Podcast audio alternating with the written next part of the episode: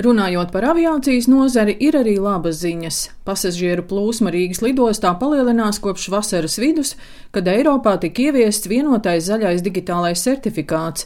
Air Baltica operatīvās vadības direktors Pauls Cālītis stāsta, ka šogad avio kompānija gan palielina darbinieku skaitu, gan piedāvās jaunus galamērķus, un janvārī audzis gan pasažieru, gan rezervāciju skaits. Piemēram, janvārī rezervācijas skaits pieaugums ir gandrīz piecreiz vairāk nekā bija iepriekšējā gadā šajā pašā posmā. Tas liecina to, ka ierobežojumi sāk atcelties, ka iespējas ceļot ir, un mēs esam ne tikai pieņēmuši darbā atpakaļ jau bijušos kolēģus, bet mēs arī esam jau ņēmuši klāt jaunus kolēģus. Šobrīd mums ir apmēram 1600 darbinieku. Šis gads būs arī uh, ar lielu attīstību un dinamiku. Pirmkārt, mūsu flota pieaugs, tātad klāt nāk astoņas lidmašīnas, līdz gada beigām mums jau būs 40, bet vēl svarīgāk ir tas, ka mūsu maršrutu tīkls palielināsies. Šogad uh, uzsāksim lidojumus uz uh, Batumī, Maltu, Erevānu un arī Baku. Kopumā mums būs vairāk nekā 90 tiešie reisi. Lai gan publiski izskanējuši viedokļi, ka stingrāku ierobežojumu dēļ nekā citās Baltijas valstīs Rīgas lidosta var zaudēt savas līderu pozīcijas Baltijā, lidostas pārstāve Ilze Salna stāsta, ka arī citās Ziemeļa Eiropas lidostās situācija ir līdzīga. Pieaugot e-komercijas popularitātei, par piekdaļu palielinājies aviācijas krava apjoms un tiek plānots, ka šogad augs apkalpoto pasažieru skaits.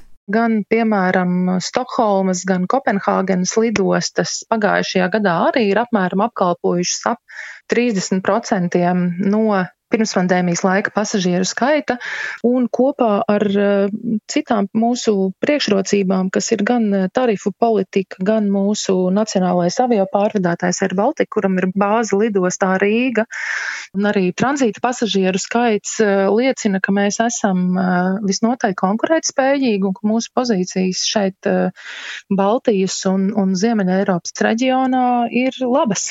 Arī šo gadu lidosta ir uzsākusi ar pasažieru skaita pieaugumu. Mēs janvārī apkalpojām 246 tūkstošus pasažieru, jeb gandrīz piecas reizes vairāk nekā gadu iepriekš.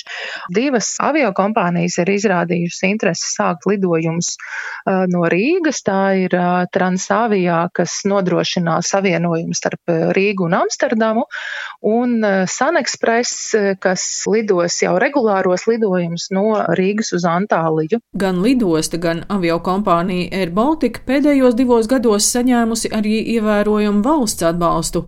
Air Baltica divos maksājumos 295 miljonus eiro, lidosta 35,23 miljonus eiro. Stāsta satiksmes ministrijas aviācijas departamenta direktors Artūrs Kokars. Tas atbalsts bija pietiekošs, lai lidosta varētu saglabāt savus pamatfunkcijas un nepārstāvot darbību. Tas, kas arī svarīgi, ka šīs atbalsts eh, nav dāvinājums, bet ir tie līdzekļi, kurus kaut kādā laika nogriezienī valstī būs eh, jāsaņem atpakaļ.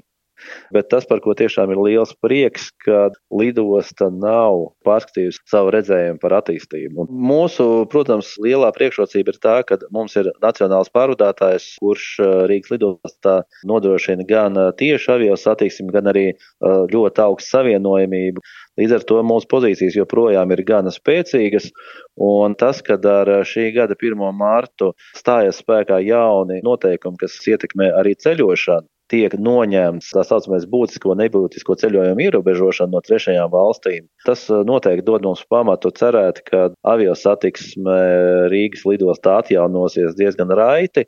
Aviācijas nozara, protams, jebkura ģeopolitiska izaicinājuma ietekmē negatīvi. Protams, mēs ar ļoti, ļoti lielu piesardzību skatāmies uz to, kā, kā šis konflikts attīstīsies, jo Ukraina ir uh, arī geogrāfiski salīdzinoši liela valsts, un tas sadārdzina arī uh, lidojumus, kas iepriekš ir lidojuši pāri šīm teritorijām.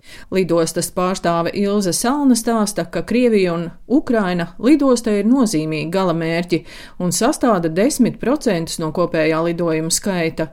Lidostas prognozētie neieņemtie ienākumi no Ukrainas reisiem būs ap 300 tūkstošiem eiro mēnesī, no Krievijas reisiem 400 tūkstoši eiro mēnesī. Samazināsies arī tranzīta pasažieru plūsma un kravu apjoms. Daina Zalamane, Latvijas radio.